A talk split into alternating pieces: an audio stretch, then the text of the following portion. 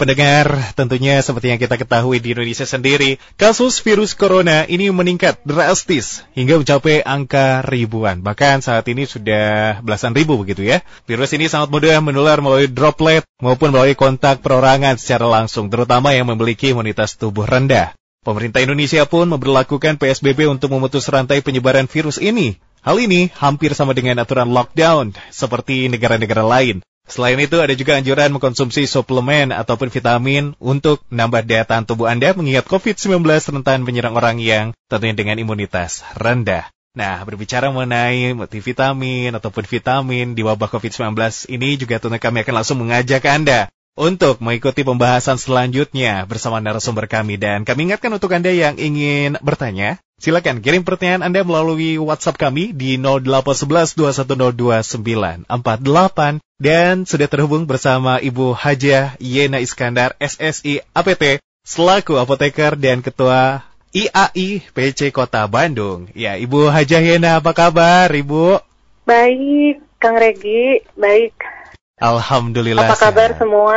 Insya Allah. Fit Radio. Insya Allah sehat Di mana juga. Anda berada. Bu. Nih Bu Yana terima kasih pada kesempatan hari ini telah menyempatkan waktunya untuk bergabung bersama kami pada kesempatan hari ini untuk memberikan informasi yang juga tentunya bermanfaat untuk pendengar dan Ibu Yena di masa Ramadan ini di bulan suci tentunya untuk umat yang beragama muslim ini menjalankan ibadah puasa kan ya Bu ya. ya. Ini juga tentunya berkaitan dengan kesehatan dan terlebih ditambah juga di tengah pandemi COVID-19. Lengkap sudah, paket lengkap untuk bulan Ramadan tahun ini begitu ya. Nah ini kalau ya. berbicara mengenai kondisi kesehatan, tentunya harus tetap fit, uh, tetap bugar, sehat lah intinya begitu. Kalau misalkan menurut Ibu Yena sendiri, ini ya. Indonesia kan saat ini data menginjak di belasan ribu ya Bu ya? Iya. Luar biasa begitu ya Luar untuk biasa, data COVID-19 ini sedikit saja singkat sebelum nanti ke tema kita mengenai vitamin di wabah COVID-19. Hmm. Apa yang terjadi menurut sudut pandang Ibu? Kenapa di Indonesia ini banyak? Ya, baik. Masa pandemi COVID-19 ini memang sudah menjadi masalah di negeri ini ya. Saat ini baik di masalah kesehatan juga masalah ekonomi ya. Nah, COVID ini kenapa saat ini masih terus membesar, membengkak? Itu saya melihat kurang disiplinnya mungkin masyarakat ya saat ini. Seperti saat ini PSBB ya. Mm-hmm. Saya mhm. melihat PSBB khususnya di Kota Bandung ini sepertinya tidak ini ya, tidak signifikan gitu dengan mm-hmm. dengan arahan atau himbauan dari Baik. pemerintah. Sehingga ya tadi itu kedisiplinan itu merupakan kunci bagi mm-hmm. pemutusan rantai COVID-19 ini. Jadi tentunya menurut pandangan Ibu Yena sendiri saat ini kondisinya memang belum maksimal sesuai dengan harapan begitu ya Bu? Betul. Baik. Ya. Terima kasih Bu Yena telah berikan informasi atau uh, menanggapi hal itu. Dan nah, ini penting juga bahwa ini juga harus disampaikan kepada masyarakat salah satu bentuk preventif pencegahan begitu ya supaya terhindar dari virus corona ataupun COVID-19 ini. Nah, ini Betul. tentunya ya. Ibu sebagai apoteker juga dan Ketua Ikatan Apoteker Indonesia untuk Kota Bandung. Ini katanya Bu, ini vitamin ataupun suplemen bisa untuk membantu mencegah seseorang terhindar dari uh, virus ini. Tanggapannya Bu, apa memang ini betul Bu? Ya, kita ketahui bersama ya bahwa untuk meningkatkan daya tahan tubuh itu salah satunya adalah dengan mengkonsumsi vitamin. Selain kita juga menjaga kesehatan, juga menjaga pola makan yang memang bergizi. Mm-hmm. Nah, tetapi untuk saat ini banyak masyarakat yang ketakutan ya, sehingga mereka memang mengkonsumsi vitamin untuk menambah, bukan mengganti, tapi menambah untuk meningkatkan daya tahan tubuh. Nah, vitamin saat ini yang sedang memang banyak dibutuhkan oleh masyarakat itu salah satunya adalah vitamin C dan vitamin E. Kebetulan pada bulan Maret kemarin BPOM sudah uh, merilis ya yeah. informatorium tentang uh, penggunaan obat-obatan untuk uh, penanganan COVID-19 ini. Dan salah satunya adalah vitamin C dan vitamin E.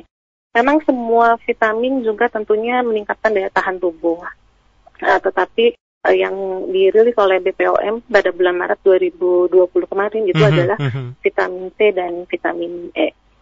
Nah, untuk penggunaan vitamin C ini memang dibutuhkan dosis yang setiap orang itu berbeda. Seperti contoh misalkan orang yang memang sudah terindikasi COVID-19 ini biasanya diberikan vitamin C itu bisa secara oral, Mhm. diberikan sehari tiga kali, atau misalkan bisa diberikan secara intravena. Itu penanganannya. Baik, Ibu Yana bisa menjelaskan mengenai hal itu silakan. Ya, nah kalau untuk yang vitamin C untuk eh, upaya preventif, upaya pencegahan Iya. itu bisa dikonsumsi setiap orang itu kurang lebih sekitar 250 mg Mhm, dalam mhm. eh, sehari satu kali. Ya, Oke, baik. Jadi tentunya di situ juga harus diperhatikan bagaimana kita mengkonsumsi ya Bu ya. Jangan sampai Iya. juga tentunya kita seperti tidak mengindahkan. Eh, ya minimal ada komposisi, ada aturan pakai, aturan minum dan lain sebagainya ya Bu ya. betul. Walaupun di pasaran juga memang tersedia ya eh, dosis 500 mg, Mhm, 1000 mhm, mg, yaitu tergantung kebutuhan dari setiap eh, orang yang menginginkan dosis tersebut. Ya, maka dari itu karena memang setiap individu juga berbeda kebutuhannya ya Bu ya. Jangan Iya. sampai akhirnya disamaratakan semua. Baik Ibu Yena dalam hal ini salah satu yang paling dominan ataupun yang paling banyak dicari saat ini adalah suplemen atau vitamin C. Kenapa vitamin C ini banyak diburu ataupun mungkin banyak dibutuhkan begitu? Iya, kita ketahui bersama ya bahwa COVID ini adalah wabah dunia, sehingga semua orang membutuhkan asupan vitamin tersebut. Nah, pada saat semua orang membutuhkan vitamin ini, sehingga permintaan itu tinggi. Permintaan itu tinggi, eh, kelemahannya di Indonesia ini adalah kita tidak memiliki bahan baku untuk vitamin C ini, sehingga kita masih impor ya dari luar. Sementara eh, wabah ini kan wabah dunia, semua Mhm, orang mhm. membutuhkan. Ya, jadi pasti ada keterbatasan-keterbatasan suplai di sini kan. Mhm, mhm. Nah, itu yang menjadikan saat ini vitamin itu sangat langka. Iya. Nah, kemarin saya dapat informasi di daerah Bekasi kalau tidak salah, Mhm, mhm. itu sempat muncul beredar vitamin palsu. Nah, ini pun menjadi satu kekhawatiran ya bagi kita tenaga profesi khususnya apoteker yang memang di apotek ini kan seharusnya menjaga menjamin ketersediaan produk-produk kesehatan. Mhm. Nah, tetapi karena suplainya itu memang terbatas, sehingga kita tidak bisa menyediakan vitamin tersebut. Tetapi beredar di luar itu vitamin eh, dijual oleh masyarakat umum gitu dari perorangan. Iya.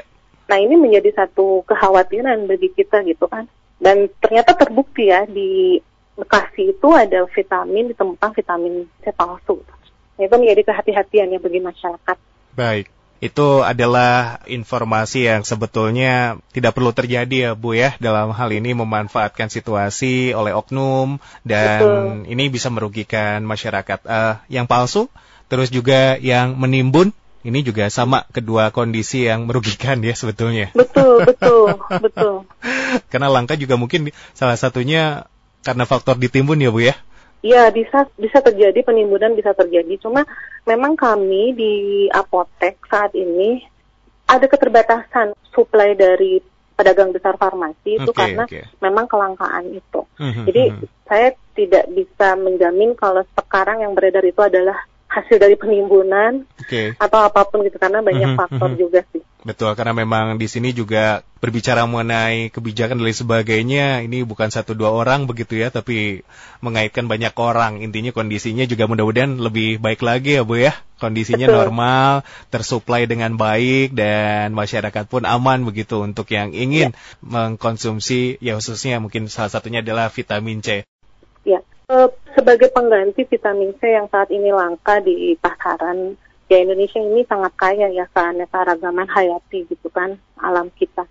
Kita bisa mengkonsumsi vitamin C ini dalam bentuk buah-buahan ya seperti contoh ada lemon, ada jambu biji gitu ya, jambu merah, nah, strawberry. Nah, itu juga bisa menjadi pengganti untuk kelangkaan vitamin C yang saat ini terjadi. Mhm. Baik, jadi yang alami begitu ya bisa jadi pilihan juga ya Bu ya? Iya. Wah, itu yang tadi sudah disampaikan. Ini juga banyak tuh jambu banyak tuh di jalan Bu ya saat ini. Betul, betul, ya. Kan kita harus kreatif ya. Pada saat kelangkaan terjadi, Mhm, sementara mhm. kita juga harus tetap menjaga daya tahan tubuh kita, Betul. selain kita berolahraga, mengelola stres, gitu ya, menjaga kebersihan, Mhm, yang harus mhm. dijaga dengan asupan yang tadi saya sebutkan. Oke baik, Bu Ena untuk uh, masyarakat yang beragama Muslim saat ini juga masuk ke bulan Ramadan begitu ya, sedang menunaikan ibadah puasa juga. Nah ini harus diperhatikan apa Bu? Maksudnya untuk yang tetap ingin berpuasa dan juga untuk minum uh, suplemen vitamin C begitu. Ini baiknya bagaimana uh, cara pemakaiannya atau konsumsinya saat buka kah ya. atau saat sahur? Atau ya. bagaimana? Nah biasanya vitamin C ini kan baik dikonsumsi pada saat kita akan memulai aktivitas ya. Oke. Okay ya untuk upaya preventif ya untuk pencegahan ya. Mhm, mhm. nah saya sarankan untuk uh, mengkonsumsi vitamin C ini pada saat sahur setelah okay. makan. Jadi itu Jadi yang disarankan ya? Pada, ya. Nah untuk penderita kelebihan asam lambung itu disarankan untuk lebih berhati-hati sekarang hmm, mengkonsumsi kenapa, vitamin C ini ya. -hmm. Karena akan mengiritasi lambung, hmm. apalagi diminum sebelum makan. Oke, okay, baik. Nah, uh, harusnya lebih berhati-hati, apalagi dalam bulan Ramadan ini. Atau memang bisa uh, dikonsumsi tadi dalam bentuk buah-buahan gitu ya. Iya, iya, iya. Ya. Selain tadi ya pengelolaan apa waktu istirahat mm -hmm, itu sangat mm -hmm. penting juga. Karena biasanya kan dalam bulan Ramadan ini kita tidur pun terganggu ya. Maksudnya polanya itu berbeda gitu kan. Bu, kalau misalkan uh, untuk jenisnya vitamin C sendiri kan macam-macam ya Bu ya. Ada yang diminum uh, berupa tablet, terus juga ada yang berupa yang dicairkan gitu ya, dicemplungin gitu ke air. Iya. Ini ada ya. ada anjuran mengenai hal itu atau sebetulnya sama saja uh, manfaatnya? Manfaatnya sih sama saja ya, asalkan mungkin tadi dosisnya harus sesuai gitu dosisnya karena mm -hmm. seperti contoh misalkan yang uh, effervescent ya Ya, perpesan ini kan kurang lebih ada 1000 miligram. Nah, itu harus berhati-hati untuk penderita yang tadi kelebihan asam lambung itu. Mm-hmm. Dan mm-hmm. kalau misalkan saran saya, memang jika ingin mengkonsumsi effervescent, itu sebaiknya dibiarkan dulu sampai sodanya menguap dulu. Mm. Sampai sodanya menguap, setelah itu baru silahkan diminum. Karena biasanya itu yang mengiritasi lambung juga. Hmm, baik ya. Jadi ada bahan-bahan begitulah ya, Bu ya? Iya. Oke, jadi kalaupun memang mau yang tipenya seperti itu, jenisnya seperti itu, boleh, tapi sodanya mungkin harus uh, hilang dulu begitu ya, baru boleh Betul. diminum. Kalau misalkan yang langsung tablet begitu mah aman ya, langsung aja minum begitu. Ya, itu aman. Itu aman dengan berbagai variasi dosis ya yang ada di pasaran itu silahkan saja. Mm -hmm. Terus ada yang jenisnya diisap juga, itu aman ya, Bu ya? Aman. Aman ya. tidak boleh tuh ya, tidak boleh bilang itu ya Mas iya. ya.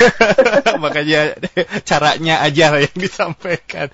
Karena kita bicara sendiri ini jenis-jenis pemakaiannya beragam begitu Bu ya. Betul. Menarik sih sebetulnya. Oke baik. Jadi tentunya juga suplemen dan vitamin C ini mudah didapatkan di apotek juga mudah ya Bu ya dan diperbolehkan untuk tanpa resep begitu ya. Iya, vitamin ini kan masuknya ke dalam suplemen. Selain di apotek, toko obat, mm-hmm. di retail modern pun uh, bisa dijual. Karena memang banyak juga ya dijajakan atau ditampilkan begitu ya untuk dijual. Betul. Baik, demikianlah untuk mendengar kurang lebih ya gambaran karena betapa pentingnya untuk menjaga kesehatan tubuh, terutama untuk Anda hmm. yang beragama muslim, untuk supaya tetap bugar, sehat, ya, dan terhindar dari COVID lah itu intinya mah. Lalu Bu Yena ini uh, yeah. tentunya kalau misalkan mengenai vitamin sendiri sudah teredukasi dengan baikkah masyarakat atau mengikuti gitu. Jadi lagi hits, wah ini vitamin ya, wah di mana belinya? atau sebetulnya iya. memang sudah teredukasi begitu? Ya, ya, ya itu eh, memang salah satunya adalah fungsi dan tugas seorang apoteker itu memang selain kita berada di sarana seperti rumah sakit ya, lalu ada di sarana distribusi, di sarana produksi, di di pabrik farmasi, ada juga apoteker yang berada di apotek. Nah, memang tugas kami tentunya berbeda-beda gitu setiap mm -hmm. di sarana mm -hmm. itu. Nah, kami yang bertugas di sarana di apotek itu tentunya harus memberikan edukasi kepada pasien tentang penggunaan vitamin ini. Dan kenapa uh, saya menyarankan masyarakat untuk mendapatkan vitamin ini di, di tempat yang memang terjaga ya kualitasnya yeah. ya mhm, karena tadi itu. Oke, okay, baik. Lalu kondisi yang tadi sudah disampaikan, misal ada yang memiliki riwayat masalah lambung. Selanjutnya, uh Bu Yena, ini kalau kondisi saat hamil, ya. direkomendasikan, nah, Ya, memang biasanya dokter memberikan vitamin ya untuk ibu hamil ini di antaranya seperti ada asam folat, kalsium, vitamin D, ada juga zat besi gitu. Nah, vitamin C untuk ibu hamil sebetulnya bisa diberikan dalam jumlah yang kecil gitu, dosisnya kecil. Dan itu memang harus melalui konsultasi dengan dokter. Ya karena tadi dengan vitamin seperti asam folat, kalsium, vitamin D, zat, zat besi ini pun sebetulnya bisa juga uh, udah cukup gitu untuk ibu hamil. Oke, baik. Juga tentunya harus tetap diperhatikan, konsultasi dulu Ibu Yena demikian tetap harus ya. konsultasi dengan mm -hmm. dokter ya untuk penggunaan vitamin C bagi uh, ibu hamil. Baik, Ibu Yena bisa diinformasikan mungkin selanjutnya ini program dari IAI untuk Kota Bandung sendiri saat ini ada yang sedang berjalan begitu? Ya, baik. Saat ini dalam masa pandemik seperti ini memang kita harus bahu membahu ya semua tenaga medis mempunyai tanggung jawab dan uh, tugas masing-masing dan saya sangat apresiasi dan sangat berterima kasih kepada dokter, perawat yang berada di garda terdepan, juga apoteker yang berada di rumah sakit, saya sangat memberikan apresiasi kepada mereka dan tentunya tadi sudah disampaikan oleh saya apoteker ini tidak hanya ada di sarana rumah sakit, ada juga di distribusi, ada juga di produksi, ada juga di pelayanan di apotek. Nah, kami menghimbau kepada teman-teman sejawat untuk memberikan sumbangsi kepada negeri ini apa yang bisa kita lakukan. Di antaranya yang pertama adalah mengupayakan preventif ya, jadi pencegahan dengan edukasi kepada masyarakat. Lalu yang kedua, kami pun uh, selalu menghimbau kepada masyarakat untuk menggunakan masker. Saat masker medis yang tempo hari itu sempat langka sekali. betul, betul, Ibu. Saya yang paling keras masyarakat untuk tidak terpaku oleh mm -hmm, masker mm -hmm, medis mm -hmm, dan mencari mm -hmm. masker kain. Sehingga saya menyarankan teman-teman di apotek khususnya di Kota Bandung itu yeah, untuk yeah. menyediakan masker kain. Baik, jadi itu, itu yang kedua lalu yang ketiga mm -hmm, ya mm -hmm. tadi pada saat kondisi seperti ini ya nilai-nilai kemanusiaan memang harus diutamakan ya. Jadi tidak menjual produk-produk dengan harga yang tinggi gitu kan. Seperti itu itu juga himbauan dari kami. Selain itu juga kami uh, menghimbau apotek-apotek di Kota Bandung untuk memberikan pelayanan dengan memberikan jarak antara pelayanan konsumen dengan apoteker ya. Okay. Di physical distancing mm -hmm. tetap diarahkan kan.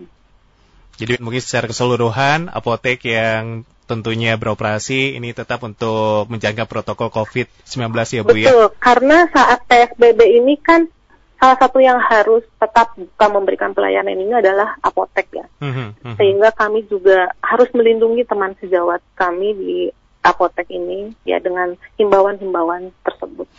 Karena memang saat ini rumah sakit juga dibatasi untuk dikunjungi oleh pasien. Betul, betul. Nah, itu betul. Itu juga menjadi satu bukan satu peluang ya tetapi masyarakat juga pasti mencari tempat yang memang mereka juga merasa Betul. aman gitu. Yeah.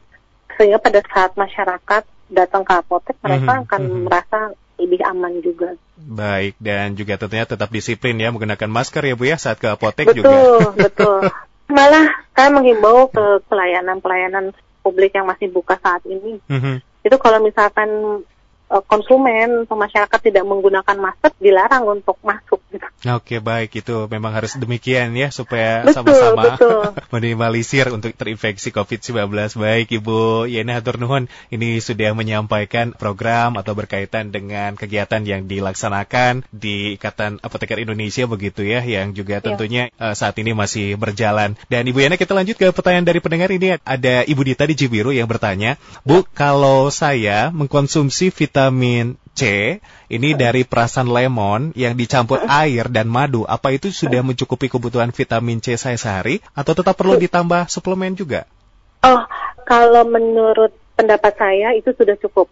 Ya, apalagi saat ini memang betul-betul vitamin C ini langka, Kang. Hmm. Di di apotek ini ini sangat terbatas sekali sehingga kreativitas dari masyarakat saat ini untuk mengganti suplemen ini dengan buah-buahan dan keanekaragaman hayati yang ada di yeah. alam ini itu menjadi hal yang betul-betul sangat diapresiasi gitu ya. Memang harus seperti itu. Cukup, Kang. Nah, itu dia. Itu juga Tetapi tadi ya untuk dikonsumsinya itu memang uh, kalau memiliki riwayat kelebihan asam lambung Mhm, itu harus mhm. setelah makan. Harus setelah makan ya Bu ya. Iya, Karena memang ya tadi sudah disampaikan kalau belum makan ya akhirnya nanti ada yang berkorban begitu ya. suplemen yang masuk malah penyakit lain datang ya. Betul, salah satunya kalau lambungnya aduh teriritasi dah sudah lah nanti sakit.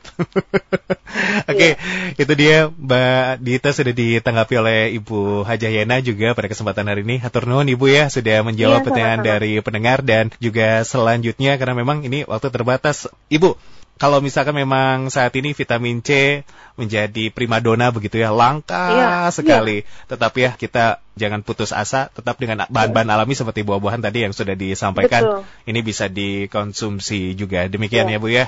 Pantang menyerah ya untuk masyarakat. Iya, selain buah-buahan juga kita kan kaya akan simplisia ya, seperti jahe, Yo, kunyit, iya. temulawak. Nah, itu juga bisa meningkatkan daya tahan Hmm, tubuh. itu dia. Harusnya ibu-ibu lebih paham mengenai hal itu ya. Jadi Dan dan murah ya murah, tentunya ya. terjangkau ya Bu ya. Murah terjangkau. meriah gampang dibuatnya. Oke, baik. Terakhir juga berkenan untuk memberikan dukungan kepada tenaga kesehatan, kepada pasien, kepada seluruh masyarakat yang terdampak COVID-19 ini ditutup dengan closing statement juga. Ibu mangga? Ya, saya Yana Iskandar, Ketua Ikatan Apoteker Indonesia Cabang Kota Bandung, mengucapkan apresiasi setinggi-tingginya kepada tenaga kesehatan yang sudah berada di garda terdepan untuk menangani COVID-19 ini. Mudah-mudahan menjadi ladang ibadah bagi kita semua, para tenaga kesehatan. Juga saya ingin menghimbau kepada masyarakat untuk lebih berhati-hati mendapatkan vitamin ya membeli vitamin sebaiknya di tempat yang resmi seperti apotek, toko obat atau di retail modern karena akan terjamin kualitas dan keasliannya. Baik Ibu Yena Iskandar, terima kasih atas kesempatan waktunya untuk bergabung bersama kami hari ini. Insya Allah semoga apa yang disampaikan juga tentunya bermanfaat untuk kita Iya. semua ya Ibu ya. Ibu tentunya terima kasih. Iya, sama-sama, Jaga Kang Regi. kesehatan Ibu Yena ya. Salam hangat Iya. kepada keluarga di rumah. Ya. Demikianlah tentunya pendengar bersama Ibu Haja Yena Iskandar, SSI APT selaku apoteker dan juga Ketua IAI PC Kota Bandung yang telah memberikan informasi kepada Anda mengenai vitamin di wabah COVID-19.